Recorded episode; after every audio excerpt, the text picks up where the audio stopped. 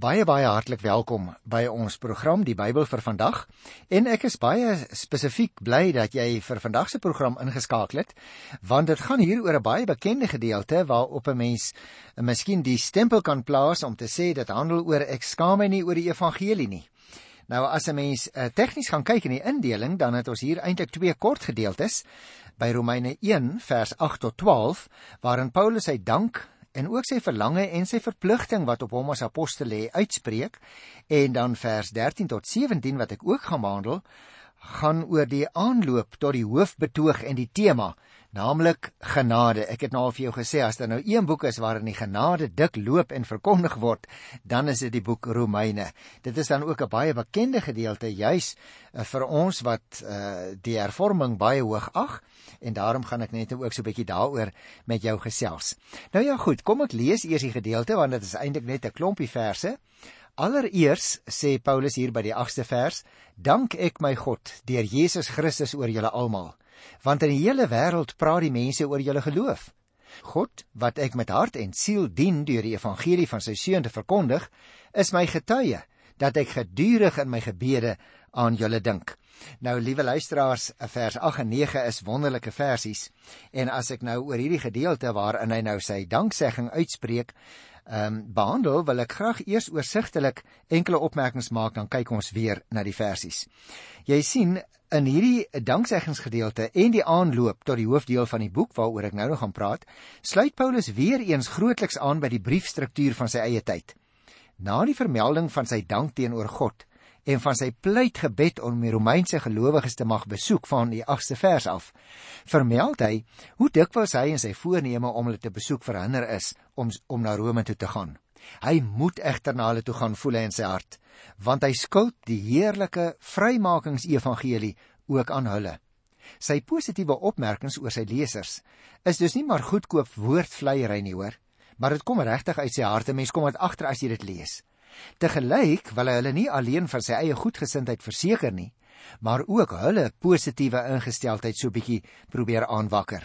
Nou soos wat die gebruik van die tyd in Paulus se omgewing en kultuur was, begin die apostel feitelik al sy briewe met hierdie soort van danksegging. Hier dank hy God spesifiek vir die gelowiges in Rome en hy verseker hulle dat hy dikwels vir hulle bid. En daarom is juis hierdie dankseggingsgedeelte en die aanloop tot die hoofbetoog wat gaan volg, die tweede en die derde afdelings was 'n mens kom by die indeling van die boek Romeine. Nou kom ons gesels spesifiek oor vers 8 en 9. Maar jy sien, dit is natuurlik 'n groot troos vir enige mens om te weet dat ander vir jou bid en ook dat hulle God vir jou dank. Met betrekking tot gebed kan 'n mens twee soorte foute maak, dink ek. Aan die een kant, jy kan te skugter daaroor wees en eintlik nooit daaroor praat nie. Of aan die ander kant, jy kan daarvan 'n skou item maak om ander mense onder die indruk van jou eie vroomheid te probeer bring. Paulus is hier vir ons 'n baie baie goeie voorbeeld vir ons om juis ander mense te bemoedig deur hulle te sê dat ons besig is om vir hulle te bid. Dit veronderstel natuurlik, liewe luisteraar, dat jy dit nie net sê nie, maar dat jy regtig vir daardie mense sal bid. Nou, ek dink uit vers 8 moet ek ook hierdie opmerking maak en onderstreep dat die evangelie Rome bereik het, was uiters belangrik. Want Rome, moet jy onthou, was mos die hoofstad en daarom was dit baie strategies vir hierdie nuwe godsdiens in hierdie Romeinse ryk. Daarom is dit vir Paulus baie belangrik dat soos wat hy dit noem, die hele wêreld oor die gelowiges in Rome se geloof praat. Dink so 'n bietjie aan jouself en die gelowiges saam met wie jy 'n gemeente vorm. Watter beeld het julle na buite? Hoe dink jy wat wat dink die ander mense van van julle as gemeente en ook spesifiek van jou? Watter dinge sien ander mense van julle raak? Dank God vir die positiewe dinge luisteraars. En as daar negatiewe dinge in die gemeente is of in jou eie opset, bedink maniere om dit uit te skakel, want dit skaad uiteindelik die boodskap en die getuienis wat jy en ek moet uitdra. Paulus beklemtoon juis in hierdie 8ste vers dat hy 'n gebedsman is, sonder valse skroom. Het jy dit opgelet? Paulus praat hier van sy dank. Nou ja, luisteraars, sy dank vir die wye en die positiewe bekendheid van sy lesers en ook natuurlik vir jou vir my as hoorders, naamlik dat die brief hardop in die erediens voorgeles is destyds. Gaan nie soos in die gewone Griekse brief aan die gode nie, maar aan die ware God. En nou sê Paulus deur sy seun Jesus Christus. Let ook op hy praat van my God. En dit dui natuurlik op die heel persoonlike van Paulus se gebedslewe en dit herinner mense ook sterk aan die Ou Testamentiese bidders van die Psalms. Gaan kyk maar weer 'n keer in Psalm 22 by vers 2 en vers 11. Dan praat hy ook hier in vers 8 van julle geloof. En hier, liewe luisteraar, dui dit nie in die eerste plek op die kwaliteit van die Romeinse lesers se geloof nie, maar op die feit dat hulle gelowe geword het en dat hulle nou Christene is. En dan daardie 9de vers, God wat ek met hart en siel dien deur die evangelie, nê, en wat daarop volg. Daarin lyk dit vir my roep die apostel vervolgens God self tot getuie vir sy aanbiddingstrou en sy volgehoue bede om hulle so die Here wil te kan besoek, sê hy. Nou moet ons natuurlik onthou, tot op datum van die brief het God hierdie bede nog nie toegestaan nie. Dis eers 'n paar jaar later dat die Here dit sou toelaat, maar dan op 'n heeltemal ander manier as wat Paulus uiteindelik gevra het en verwag het. Hy gaan uiteindelik as 'n gevangene in Rome aankom. Jy sal daardie verhaal onthou, daar uit Handelinge 27 en ook hoofstuk 28. Nou kom ek lees vers 10 tot by vers 12. Elke keer as ek bid, vra ek God of hy dit nie uiteindelik vir my moontlik wil maak om julle te besoek nie. Ek sien baie daarna uit om julle te besoek, want ek wil 'n geestelike gawe aan julle oordra om julle te versterk. Ek bedoel dat as ek by julle is, ons deur mekaar se geloof bemoedig kan word. Ek deur julle sin en julle deur my geloof. Ag, is dit nie 'n wonderlike getuienis wat van hierdie apostel Paulus uitgaan nie. Jy sien luisteraar, Paulus se gebed om na Rome toe te gaan is verhoor, soos ek nou nou vir jou gesê het, maar uiteindelik op 'n heel ander manier en in ander omstandighede as waarvoor hy hier gebid het. Hy kom uiteindelik in Rome aan as 'n gevangene. En so sien ons die waarheid dat God altyd 'n gebed beantwoord, maar op sy eie manier. Daarom moet 'n mens ook as die Here 'n uh, nee sê, hy reageer nie met ander woorde op iets wat ons bid nie. Dan moet ons Onthou die Here kan natuurlik ook nee sê. Hy hoef nie noodwendig ja te sê nie. Die Here weet op watter stadium vir sy kind watter antwoord die beste is. En daarom dit moet ook vir jou en vir my aanspoor tot gebedsvolharding en te gelyk moet ons daarmee besef dat God beter as 'n aardse ouer is. Alles wat die Here jou gee, alles wat met jou uh toegelaat word om oor jou te gebeur, is tot jou beswil, want die Here beskik daaroor. En daarom moet ons onthou die geestelike gawe waarna Paulus hier verwys in vers 10 tot 12 sien op alles wat die apostel glo dat die Here deur hom onder die Romeine wil doen in die toekoms om hulle te versterk. Byvoorbeeld, sy prediking, sy bemoediging, sy raad, sy advies.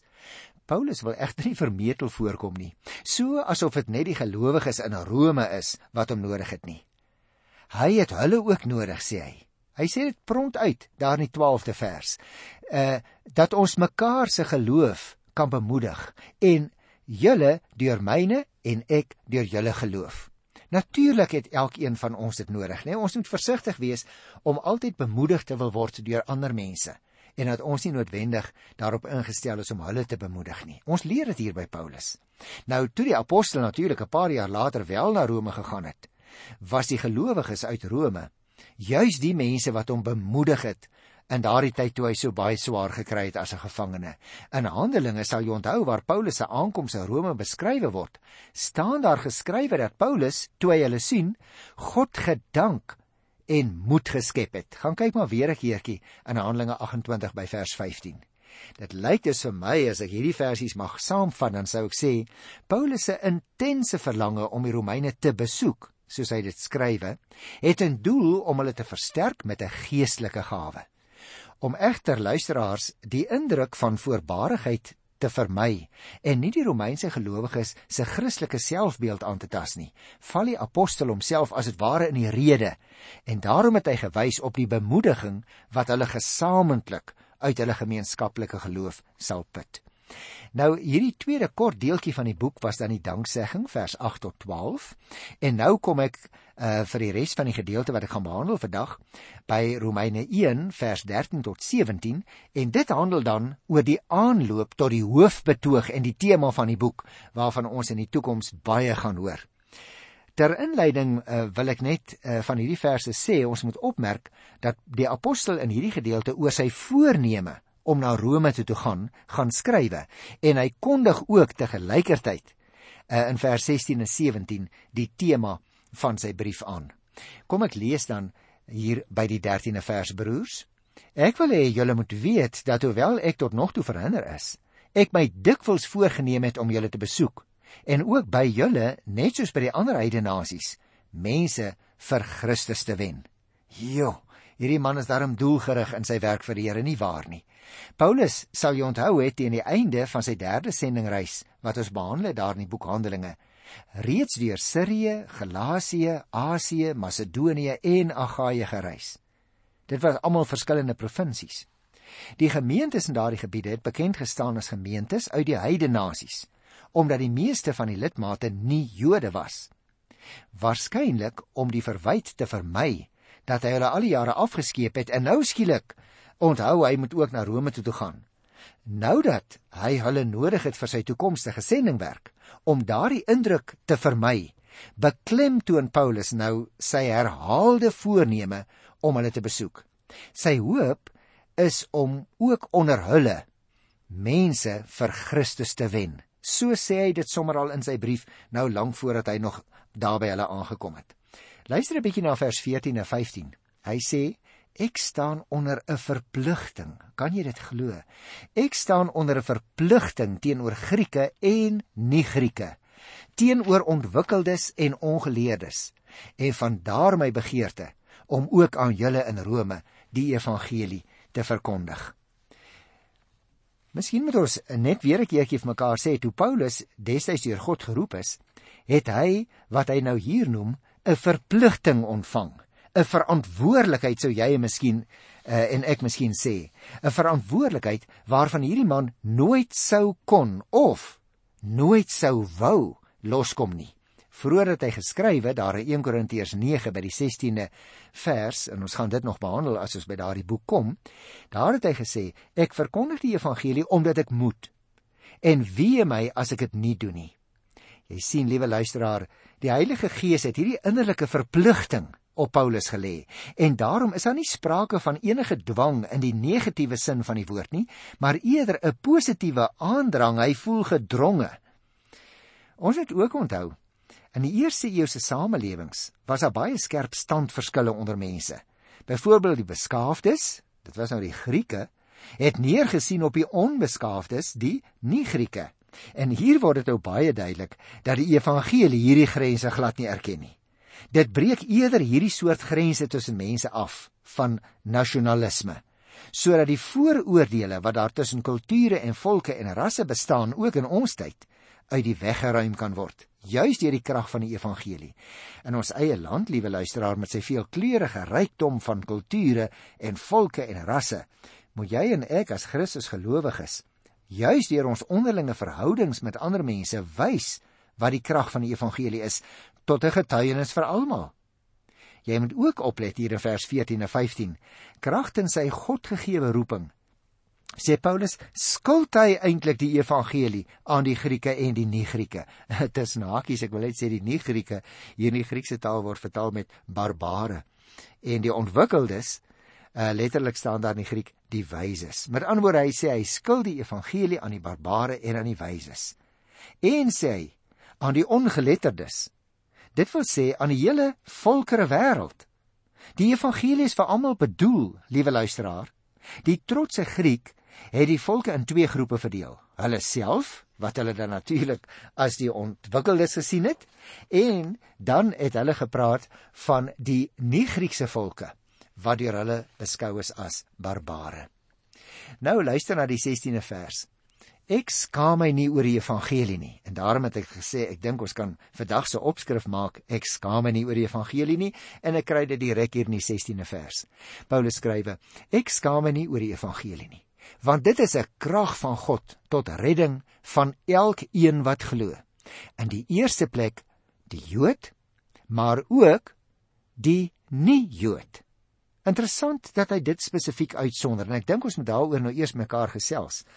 Want uh Paulus het vroeër gesê oor wie die evangelie handel, daar by die 3de versie uh van die eerste hoofstuk, né, nee, naamlik oor Christus. En nou kom hy by wat die evangelie in sy diepste wese is. Hy sê die evangelie is 'n krag van God tot redding. Luisteraars, as mens dit besef, dan besef jy ook dat jy eerder met 'n heilige trots vir een en almal daarvan moet vertel. En die wyse waarop jy deel kry aan hierdie krag is eenvoudig sê die apostel deur te glo. 'n Mens moet dus nie Paulus se stelling dat die evangelie in die eerste plek vir die Jood bedoel is verstaan asof die Jode deur God voorgetrek word nie. Dit sou 'n fout wees om so te dink. Paulus noem bloot die tydsvolgorde. Naamlik die evangelie het in die Ou Testamentiese tyd eerste tot die Joodse volk gekom en ook deur Jesus het tydens sy aardse bediening spesifiek onder die Jode en teenoor die Jode gewerk. Die eerste gelowiges was dan ook Jode. En nou bevestig Paulus iets wat die gelowiges in Rome natuurlik baie goed self besef het dat dit waar is, naamlik die evangelie is nie net vir die Jode bedoel en het ook nie net vir hulle vasgesteek nie. Dit is bedoel vir almal. Dit moet uitgeslinger word deur ons getuienis teenoor almal, ook teenoor die nie-Jode. Al is Rome dus so baie beroemde stad en die Romeine die trotse heersers van die wêreld, sê die apostel hy skaam hom allerminst ook teenoor die klomp Romeine, die heidene daar in Rome vir sy evangelie. Die manier waarop hy hom uitdruk beteken in werklikheid dat hy trots is op hierdie evangelie. Waarom? omdat daar in hierdie boodskap 'n inherente dinamiek wat hy noem 'n krag van God in die evangelie geleë is wat lei tot die redding van die straf van God oor die sonde. O luisteraar, oor 'n boodskap wat soveel 'n mens se lewens vermag, hoef niemand om ooit te skaam nie. Daarom sê Paulus in die eerste plek, so sê hy, dui dis nie op 'n prinsipiële voorkeur posisie vir die Jood nie maar op 'n tydsorde. Hy sê rig hom eers tot hulle. Die boodskap is histories eerste aan die Jode verkondig. Ek wil hierdie gedeelte vir vandag afsluit met vers 17. Hy sê in die evangelie kom juis tot openbaring dat God mense van hulle sondes vryspreek enkel en alleen omdat hulle glo. En daar dink ek het ons die die evangelie in 'n nuwe dop hoor. Dit is soos daar geskrywe staan sê Paulus. Elkeen wat deur God vrygespreek is omdat hy glo, sal lewe. O die evangelie, liewe luisteraar, besit hierdie reddingskrag, want daarin sê hy kom tot openbaring dat God mense van hulle sonde vrygespreek het enkel en alleen omdat hulle glo. En hierdie vryspraak deur die Here luisteraar, wat die sentrale tema van die Romeinebrief uitmaak, is een van Paulus se voorkeurterme om die wese van die evangelie boodskap te beskryf. Dit het te doen met die regswese en dui op die onverwagte en onverdiende genade van God se kant af, waarby hy die mens wat voor sy regbank skuldig staan as gevolg van die sonde en eintlik die oordeel verdien, volkome vryspreek en regverdig verklaar. Ter ondersteuning van wat hy sopas oor die wese van die evangelie gesê het, haal die apostel aan uit Habakuk 2 vers 4. Ons moet onthou Daar bestaan verskille tussen Paulus se gebruik van hierdie sitaat en die profeet se oorspronklike bewoording. Maar hy werk volgens die aanvaarde skrifgebruik van sy tyd en daarom lees hy die Ou Testament in die lig van die evangelie. Nou in die laaste klompie minute wat ek oor het luisteraars het ek vir julle gesê in die hervorming van die 16de eeu was juis hierdie gedeelte geweldig belangrik. Mag ek vir jou so 'n bietjie daarvan vertel? 31 Oktober 1517, die geboortedag van die hervorming. Martin Luther as 'n instrument in die hand van God is op daardie dag baie bedrywig. Want jy sien luisteraar na daardie dag sou die kerk van die Here Jesus nooit weer dieselfde wees nie. En as jy my nou vandag hier in die program sou vra, wat was die kernpunt waarop die hervorming die lig wou laat val? Dan sou ek die kernpunt in een woordjie saamvat: genade. Dit blyk uit hierdie verse. 'n Sondaar word gered op grond van die genade wat God aan hom bewys en nie op grond van enige verdienste nie. Wie jy, binne 14 dae sou hierdie eenvoudige insig van Martin Luther bekend wees in die hele Duitsland. En binne 4 weke het dit uitgegolf in groot golwe oor die hele Christendom van daardie tyd. Die boodskap wat sê ontvang die hemel uit genade. Want tot daar in die 16de eeu het mense gedink hulle moet nog baie dinge doen om redding self te verdien. En nou kom Martin Luther tot die eenvoudige insig in daardie tyd. Nee, jy kan niks verdien nie, jy ontvang dit alles uit genade. En daarom sê hy ook: Ek skaam my nie oor die evangelie nie, want dit is 'n krag tot redding vir elkeen wat glo. staan daar in die 16de vers. En daarmee, liewe luisteraar, gryp die Bybel van God my in die hart in hierdie program weer 'n keer. Roep dit vir jou en vir my by hernuwing op tot hervorming in ons eie lewe. Jy sien, die man wat sy 95 stellings teen die muur van die slotkerk daar in Wittenberg vaslaan, sy hart beleef 'n ontsettende krisis. Met sy een hand hou hy vas aan hierdie waarheid: God skenk sy hemel uit genade. In sy ander hand moet hy voor die keiser ophef om te sê: Ek skaam my nie oor die evangelie nie. En dit wil Paulus natuurlik nie doen om die keiser ook te vereer nie want hy skaam hom nie vir die reddende krag van die evangelie. En tussen hierdie twee pole luisteraars, so lyk dit vir my, lê die krisis van die hervorming ook in ons eie dag. Hoekom sê ek dit? Nadat Luther die waarheid ontdek het dat God sy hemel uit genade aan sondaars skenk, dwing dit hom om skaamteloos te getuig voor die keiser en die wêreld. Maar nou, na 5 eeue, hou baie protestante nog net die waarheid vas. Die getuienis het by baie van ons in 'n sekere sin verlore gegaan. Ons kan nie meer nie openbaar bid nie. Ons kan nie meer oor die Here Jesus praat nie. Ons wil nie meer leiding neem in 'n biduur of in 'n wyk nie. Ons het in 'n sekere sin skaam geword vir die evangelie van die Here Jesus na skuilos agter ons groot programme. Erger nog luisteraars, diegene wat wel getuig, wat wel praat oor die Here Jesus. Vir hulle kyk sommige van ons mense selfs met groot oë aan en hulle sê: "Jo, wat maak jy? Jy dweep jy met jou godsdiens?" Jy sien die krisis van die hervorming sny baie dieper as wat baie van ons besef. Gevolglik moet ons wat as protestante is 'n spieël voor ons hou as ons hierdie gedeelte lees wat ek vandag behandel het. Die helder spieël van God se woord. Dit is per slot van sake aan God dat die verantwoording verskuldig is, nie aan mense nie. Verantwoording luisteraars wat 'n selfondersoek by ons elkeen vereis. Selfondersoek wat sal moet vra, kan ek werklik met eerlikheid sê ek skaam my nie oor die evangelie nie. Kan ek dit vir jou andersom sê? Die vraag is wat sou die apostel daarmee bedoel? Nou uit die verband van die verse wat ons gelees het, blyk dit dat Paulus baie graag na Rome toe wou gaan, maar hy is nog verhinder maar hy is so bang dat hy dalk nie daar gaan uitkom nie dat hy verhinder sal word en sal sterwe voor hy daar uitkom dat hy wil hê hulle moet dit baie goed verstaan. En daarom lees ek weer die 17de vers vir jou. Hy sê in die evangelie kom juis tot openbaring dat God mense van hulle sonde vryspreek enkel en alleen omdat hulle glo. En dan haal hy uit Habakuk aan. Dit is soos daar geskrywe staan. Elkeen wat deur God vrygespreek is omdat hy glo sal lewe. Ek wil in alle beskeidenheid en nederigheid vir jou vra, liewe luisteraar, kan jy regtig met 'n eerlike hart sê ek getuig net waar ek kan. Ek skaam my regtig nie vir die evangelie nie. Miskien, miskien liewe luisteraars, moet jy en ek as klein mensies voor die Here op ons knieë val 'n keertjie. Moet ons opreg vir hom vra, Here, laat daar tog ook in my eie hart opnuut weer 'n hervorming deurbreek. Hier in die kleine in my eie lewe. Hervorming wat vir my weer waaragtig 'n brandende getuie vir u en vir u saak sal maak. 'n krisis in my eie hart sal veroorsaak omdat ek die blydskap wat ek belewe eenvoudig moet deurgee na ander mense toe. Die blydskap wat kan jubel in die wete. Geen verdienste nie. Ek is nie gered omdat ek iets goeds gedoen het nie. Nee, God skenk sy hemel uit genade. Ook vir my.